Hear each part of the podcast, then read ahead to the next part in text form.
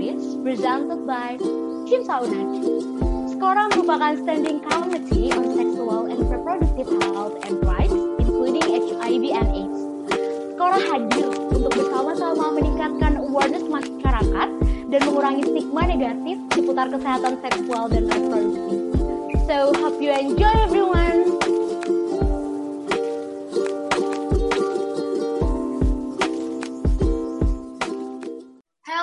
Everyone, welcome to Scarlet, Start Caring About Sexual and Reproductive Health online campaign series presented by Cimsa UNED. Scarlet merupakan sebuah aktivitas yang dilaksanakan untuk memperingati Sexual and Reproductive Health Awareness Day. Tidak hanya podcast, kami juga mengadakan webinar, live Instagram, edukasi pada anak SD, dan masih banyak lagi yang sudah terlaksana pada Februari lalu. Agar tidak terlewat acara-acara selanjutnya, jangan lupa follow at Cimsa UNED untuk mendapatkan informasi-informasi menarik lainnya Nah, di podcast episode kali ini, aku Vira sebagai pembawa podcast yang akan menemani kalian selama beberapa menit ke depan nih. Hari ini kita akan berbincang-bincang mengenai sunat perempuan bersama Kak Nur Wulan Nugrahan dari PKBI. Kalau begitu, langsung saja kita sapa pembicara kita pada podcast kali ini ya. Halo Kak, selamat malam. Bagaimana kabarnya Kak? Halo Vira, halo teman-teman Cimsa. Kenalin, aku Wulan, aku dari Pilar PKB Jawa Tengah. Aku kabarnya baik, luar biasa, dan senang banget nih bisa berkolaborasi dengan Cimsa Unej. Uh, mungkin boleh nggak sih aku kenalin dulu Pilar? Boleh banget, Kak. Oke, jadi Pilar kepanjangannya adalah Pusat Informasi dan Layanan Remaja yang merupakan salah satu program dari PKBI Jawa Tengah PKBI itu kepanjangannya Perkumpulan Keluarga Berencana Indonesia. Dan ini nih sekarang nih aku dari pilar PKBI daerah Jawa Tengah. Jadi kita ini berfokus pada isu kesehatan seksual dan reproduksi remaja usia 10 sampai 24 tahun. Dan pilar ini udah berdiri sejak tahun 98 nih gitu. Dan uh, kita itu juga bergeraknya di isu kespro remaja da dengan berbagai aktivitas nih mulai dari comprehensive sexuality education alias edukasi, terus ada comprehensive sexuality services alias layanan, lalu juga ada youth empowerment alias pemberdayaan remaja, lalu juga lalu juga ada divisi media development dan PMEL. Seperti itu. Ah, keren banget ya pilar PKB ini, Kak. Uh, mungkin uh, uh, ada beberapa pendengar yang masih kepo juga nih kak. Tadi kan udah cerita tentang pilar PKBI-nya. Kalau kakaknya sendiri kesehariannya sebagai apa sih Kak Wulan? Aku dulunya di pilar PKBI adalah relawan youth empowerment. Jadi kami melakukan pendampingan ke remaja-remaja sekolah, remaja universitas, dan komunitas uh, dalam upaya pemenuhan HKSR nih. Jadi kalau misalnya aku sebut HKSR ini akan merujuk pada hak dan kesehatan seksual dan reproduksi ya. Itu. Nah, ketika uh, jadi relawan di pilar PKBI, aku banyak berproses bersama teman-teman remaja, aku mendapatkan banyak insights dan juga berpengalaman bareng nih, mencari pengalaman bareng dengan teman-teman remaja sampai akhirnya aku sekarang jadi koordinator media development di Pilar PKBI Jawa Tengah yang berfokus pada diseminasi informasi dan layanan soal Pro nih. Jadi kalau misalnya teman-teman melihat sosial medianya Pilar di Instagram Pilar underscore PKBI, terus juga ada website pilarpkbijateng.org.id dan juga ada podcastnya dan juga ada TikToknya. Itu adalah teman-teman media development bersama divisi-divisi yang ada di pilar PKB Jawa Tengah. Wah, keren juga nih kawilannya. Nah, mungkin karena kita udah saling kenal, kita bisa langsung move on ke sharing mengenai sunat perempuan. Para pendengar pasti sudah tidak sabar nih, Kak. Atau mungkin beberapa malah belum tahu, apa sih sunat perempuan itu, Kawilan? Oke, Uh, mungkin sebelum kita mulai nih, aku mau kasih disclaimer dulu ya, kalau pilar ini nggak langsung berfokus pada intervensi isu sunat perempuannya, tapi kita belajar sunat perempuan karena ini termasuk isu HKSR juga pada remaja karena banyak banget nih fenomena sunat perempuan yang terjadi pada remaja, bahkan hingga sekarang gitu. Iya, betul sekali sih, Kak. Jadi untuk sunat perempuan itu sepertinya uh, masih jarang terdengar juga. Nah, itu sunat perempuan tuh kayak gimana sih, Kak? Oke, ini kita membahas yang namanya sunat perempuan. Ada juga yang bilang ini adalah female genital mutilation yang disingkat FGM atau juga ada istilah di Indonesia ya, pemotongan perlukaan genital perempuan disingkat P2GP. Jadi mutilasi ini tuh bagian dari mutilasi guys sebenarnya gitu karena female genital mutilation ini adalah segala prosedur yang melibatkan pemotongan sebagian atau keseluruhan alat kelamin bagian perempuan atau melukai alat perempuan untuk alasan non medis. Ini adalah definisi dari WHO gitu. Jadi ini udah udah ini ya ada beberapa komponen pengertian. Yang pertama adalah pemotongan, ada unsur pemotongan di sini. Terus juga ada sebagian atau keseluruhan alat kelamin luar perempuan. Lalu juga ada yang ketiga yaitu alasannya non medis. Seperti itu ya pemotongan jelas kita bayanginnya sakit ya aduh apa tuh yang dipotong? Gitu.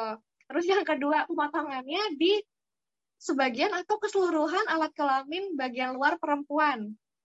Kita langsung membayangkan ya alat kelamin bagian luar perempuan. Lalu juga ada alasan non medis dan alasan non medis ini biasanya dilatar belakangi oleh budaya dan agama baik di negara-negara lain termasuk di Indonesia. Mungkin uh, kalau misalnya kita boleh lanjut ke bahasan selanjutnya, kita bisa nggak sih Kak uh, bahas tentang alat kelamin bagian luar perempuan? Boleh banget sih Kak, biar para pendengar juga makin paham tuh kayak gimana sih sebenarnya sunat pada perempuan itu spesifiknya di mananya gitu ya Kak? Iya, jadi kalau misalnya teman-teman sering mendengar ada yang namanya vulva dan ada yang namanya vagina. Vagina yang sering kita dengar ya, vagina, vagina, vagina. Vagina adalah nyatanya adalah saluran. Saluran vagina. Betul teman-teman kedokteran kita? Betul ya? nah, Betul banget, kalau Kak organ reproduksi perempuan itu ada yang bagian luar dan bagian dalam. Vagina ini termasuk yang bagian dalam, yang dari vagina masuk ada yang namanya cervix, ada yang namanya rahim, lalu ada tuba falopi, ada ovarium, itu yang ada di organ reproduksi perempuan bagian dalam, yang kita nggak bisa lihat nih dari luar gitu. Nah, ada yang namanya juga organ reproduksi bagian luar dari perempuan yang disebut vulva. Jadi vulva ini terdiri dari beberapa komponen ya.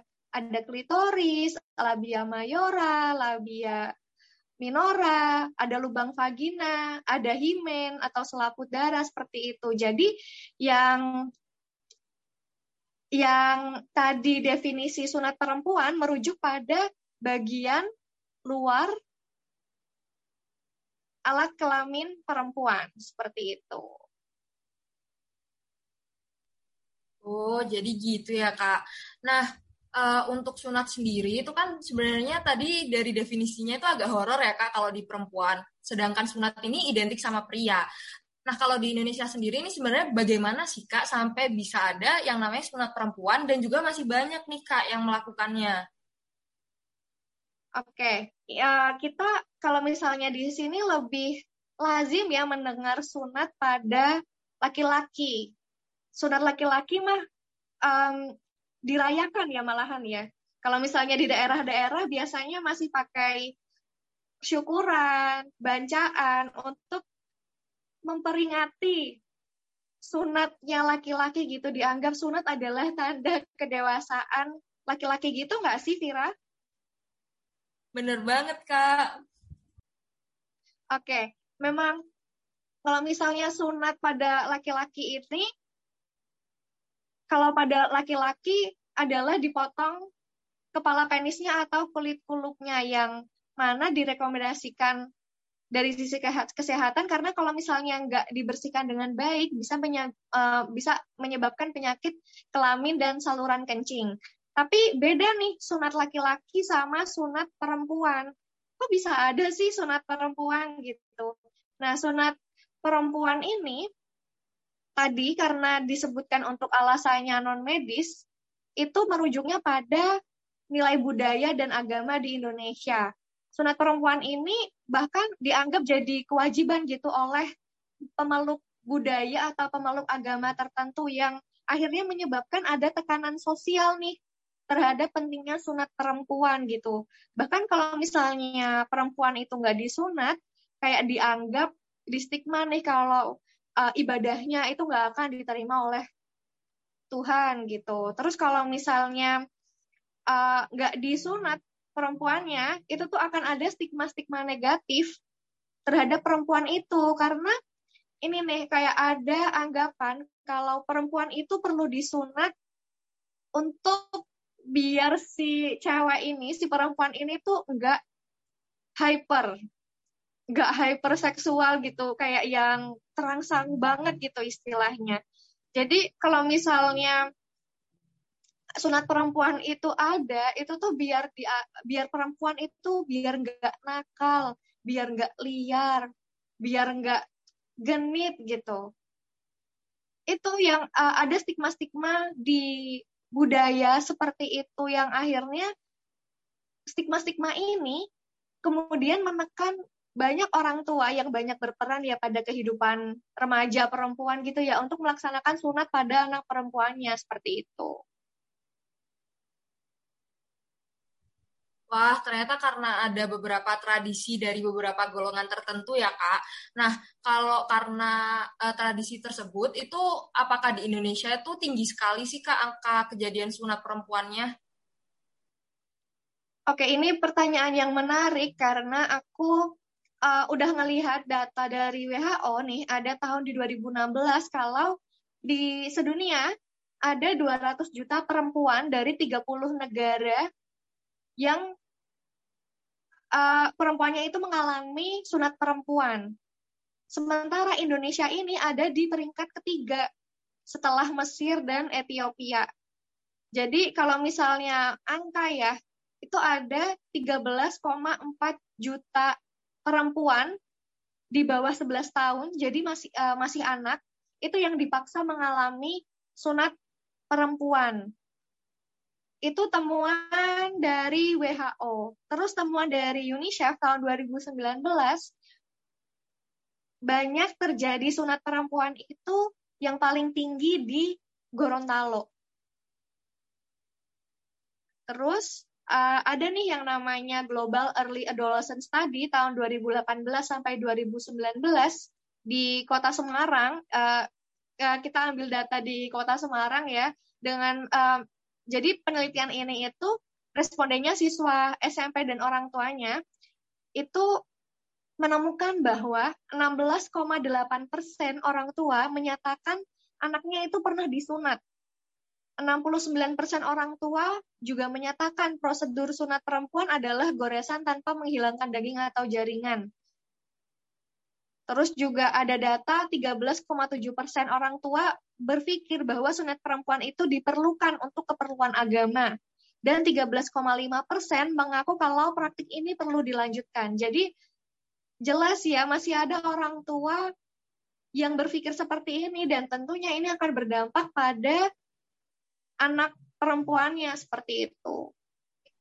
Dan bahkan uh, saking urgennya ada yang namanya International Day of Zero Tolerance for Female Genital Mutilation itu ada di setiap tanggal 6 Februari gitu. Jadi karena masih tingginya ini nih uh, bahkan sampai diperingati biar uh, untuk menduk untuk menim, uh, meningkatkan awareness ya mengenai sunat perempuan ini gitu. Ya perlu banget sih Kak, biar orang-orang juga makin sadar gitu ya Kak. Nah, uh, sebenarnya sunat perempuan ini apa ada dampak positifnya atau justru sebaliknya sunat perempuan ini memiliki dampak negatif yang mempengaruhi dari kesehatan seksual dan reproduksi sih kak? Uh, kalau misalnya kayak gini, boleh nggak sih aku tanya Vira dulu, pernah nggak dengar katanya-katanya nih mengenai sunat perempuan ini? Katanya bisa bikin ini, bikin itu gitu. Mungkin uh, Vira pernah dengar nggak kayak gitu? Uh, kalau dari aku sendiri itu pernah lihat film sih kak. Itu katanya kalau misalnya sunat perempuan itu uh, membuat nanti di masa depan tuh tidak bisa merasakan kenikmatan dari hubungan seksual. Kayak gitu sih kak. Nah, itu salah satunya. Uh, kalau misalnya efek negatif nih, uh, katanya sunat perempuan ini berdasarkan sisi kesehatan ini bisa menimbulkan infeksi, ada menimbulkan pembengkakan, terus juga tidak bisa mungkin sulit ya, jadi sulit mengontrol buang air kecil dan dalam jangka panjang kurang bisa menikmati hubungan seksual dan juga ada risiko infertil atau infertil itu mandul, kemandulan. Nah, itu itu uh, dampak pada fisiknya, belum lagi dampak psikologisnya seperti trauma gitu atau ketakutan apalagi kalau misalnya itu karena paksaan gitu ya. Jadi memang jelas kalau sunat perempuan ini termasuk kekerasan terhadap perempuan gitu. Ini iya kalau misalnya uh, perempuannya ini mungkin ada yang ini ya karena tadi kita udah tahu data perempu banyak perempuan yang sudah disunat sebelum 11 tahun. Coba deh Vira bayangin umur 11 tahun, Vira lagi ngapain sih? Umur 11 tahun paling masih main sama temen-temen sih, Kak. iya kan, kita masih main sama teman, ada yang sudah menstruasi dan ada yang belum, terus kita kayak masih ngeceng-cengin kan kalau misalnya ada yang udah mens terus ada yang belum kayak gitu gitu kan tapi ada nih perempuan-perempuan di luar sana yang seumur kita atau yang lebih muda dari kita bahkan yang sudah menghadapi paksaan seperti ini gitu hanya karena untuk memenuhi tuntutan budaya dan agama yang menurut WHO ini juga nggak ada manfaatnya sama sekali dan justru berisiko menimbulkan berbagai macam masalah kesehatan fisik dan psikologis seperti itu. Wah, ternyata kasihan juga ya Kak, udah gitu banyak dampak negatifnya, bahkan uh, dinyatakan sama WHO tidak terdapat manfaatnya. Nah, kalau kayak gitu, dari pandangan medis, itu kayak gimana sih Kak sunat perempuan ini? Kalau dilihat-lihat kayaknya tidak direkomendasikan ya Kak? Nah, itu tidak direkomendasikan karena nggak ada manfaatnya sama sekali. Terus juga uh, nggak bisa ya disamakan kayak cowok ya. Cowok itu kan butuh atau dianjurkan disunat, sementara perempuan itu enggak gitu. Jadi uh, uh, ketika ketika uh, sorry ini kalau misalnya prakteknya juga hmm, mungkin kita yang di sini mungkin kita belum uh, kurang apa ya kurang lazim mendengar praktiknya gimana ya apakah ini ada di rumah sakit atau apakah ini dilakukan oleh profesional kesehatan atau bagaimana gitu tapi menurut WHO juga ini itu praktek ini tuh sebagian besar dilakukan oleh penyunat tradisional yang memang sudah kental dengan ya ya sudah melakukan yang sudah sering melakukan itu karena tuntutan agama dan budaya gitu. Jadi jelas ini sunat perempuan itu dari segi medis itu sangat merugikan bahkan juga sangat membahayakan buat perempuan. Wah, horor juga ya Kak kalau kayak gitu. Nah, tadi kita kan juga udah bahas banyak nih tentang sunat perempuan, mulai dari pengertiannya sampai ke bahayanya. Nah, sebenarnya kita tuh sebagai masyarakat itu bisa melakukan apa sih Kak untuk membantu menurunkan angka kejadian dari sunat ini Kak? Karena sunat perempuan ini memang akarnya adalah budaya dan agama dan mispersepsi selama bertahun-tahun ya.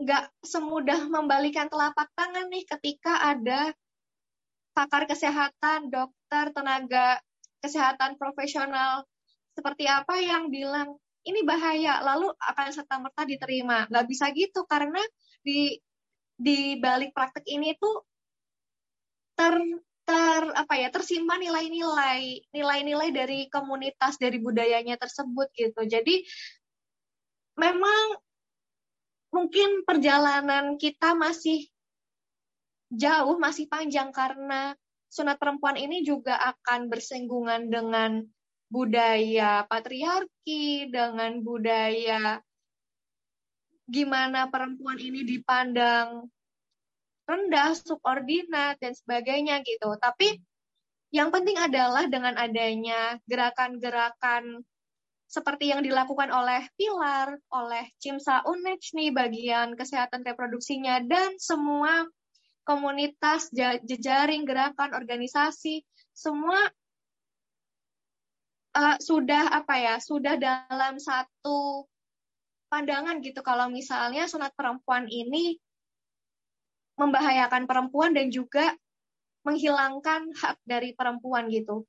Lalu apa nih yang bisa kita lakukan nih remaja-remaja, pendengar-pendengar podcast di Cimsa maupun di Pilar? Apa nih yang bisa kita lakukan gitu? Yang pertama, educate ourselves.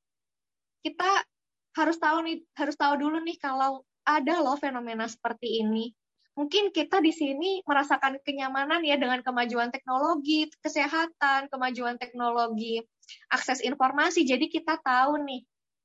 Tapi yang pertama kita lakukan ya educate ourselves gitu. Kalau misalnya ada fenomena yang namanya sunat perempuan, kenapa itu ada, apa bahayanya, bagaimana dampak jangka panjang panjangnya. Yang pertama itu dulu kita belajar dulu, kita bersedia membuka pikiran dan energi untuk belajar gitu untuk itu.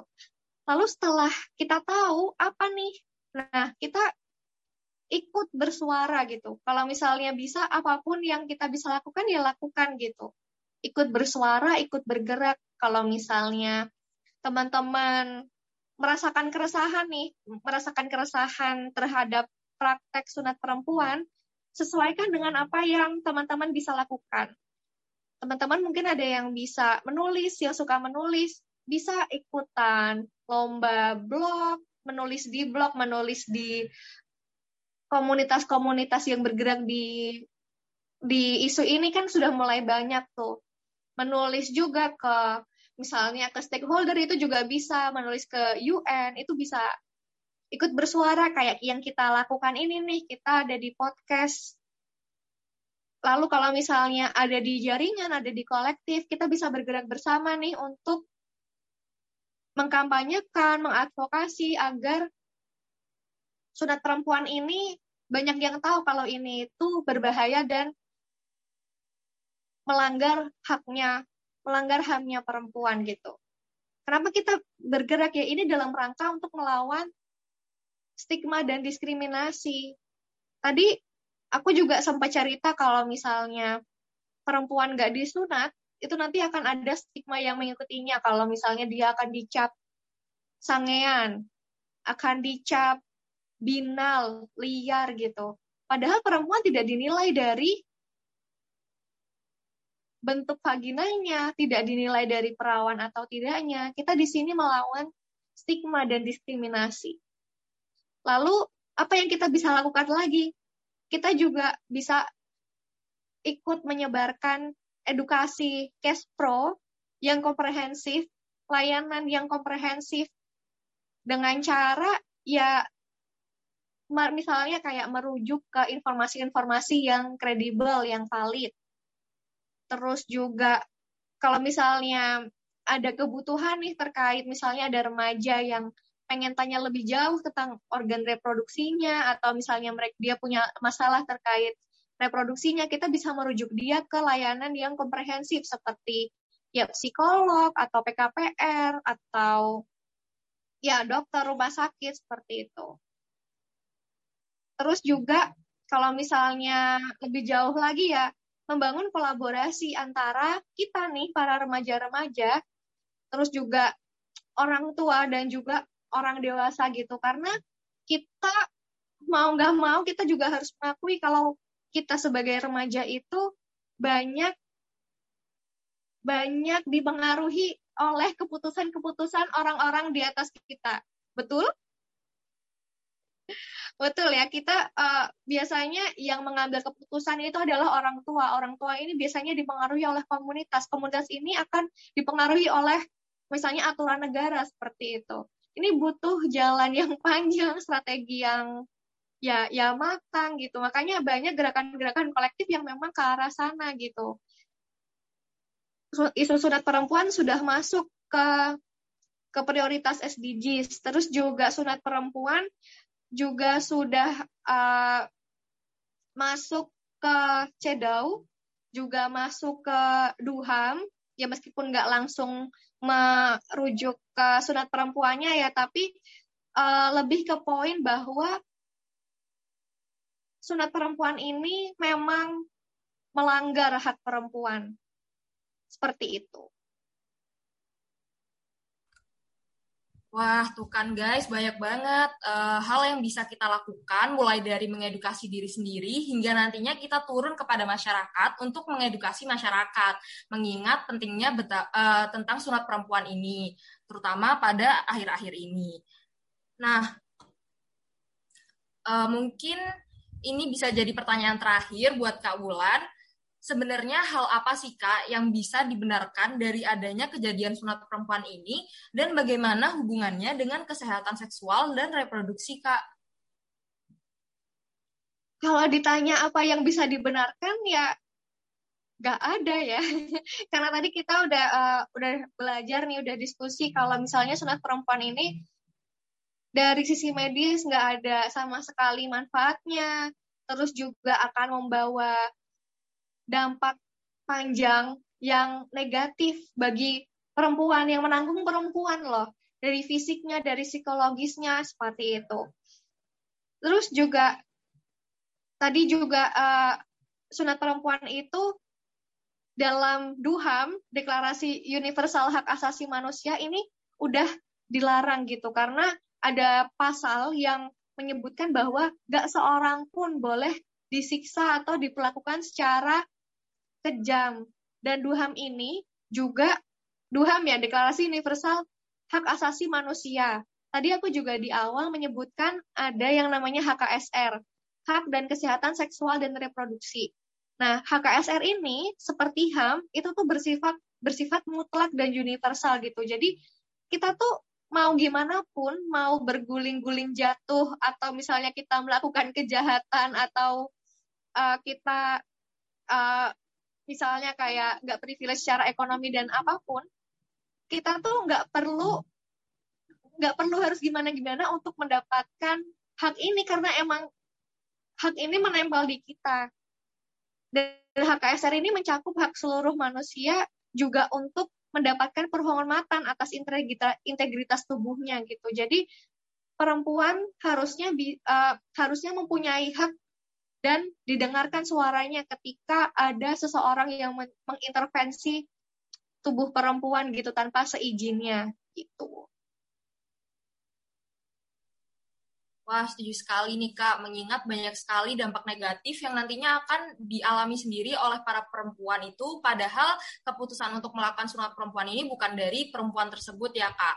Wah, menarik sekali ya pembahasan pada podcast kali ini. Nah, akhirnya kita semakin mengerti mengenai sunat perempuan dan menjadi semakin tahu bahwa sebenarnya sunat perempuan itu berbahaya loh dari sisi medis, meskipun masih banyak dilakukan oleh orang-orang hingga saat ini, terutama di Indonesia.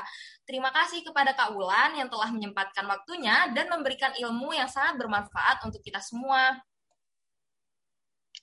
Sama-sama Vira, aku pun juga senang banget udah diundang di podcast ini dan juga mau titip salam nih buat teman-teman pendengar podcastnya Cimsa. Kalau misalnya teman-teman butuh uh, informasi dan layanan mengenai kesehatan reproduksi remaja, teman-teman bisa mampir ke Instagram pilar underscore PKBI dan juga web pilar pkbijateng.or.id karena di situ juga akan ada uh, curhat atau sobat sobat sambat sobat sambat ya. Jadi teman-teman bisa konseling online secara gratis dan tentunya rahasianya terjamin. Uh, kami juga ngerasa bahagia banget nih Kak Wulan mau ngisi podcast kali ini. Nah, kalian tuh tadi bisa banget curhat-curhat di uh, Instagramnya dari Pilar PKBI. Uh, semoga para pendengar bisa semakin memahami dan bertambah wawasannya, terutama mengenai sunat perempuan. Tak terasa kita sudah ada di penghujung podcast Scarlett kali ini. Jangan lupa ikuti terus Instagram kita @cimsaunet untuk informasi-informasi menarik lainnya. Oke, okay, let's call it a day, but don't worry, it's not the end of our series. We will come back with another hot topic to discuss with another great guest. Terima kasih kepada seluruh pendengar setia kami karena telah mendengarkan hingga akhir.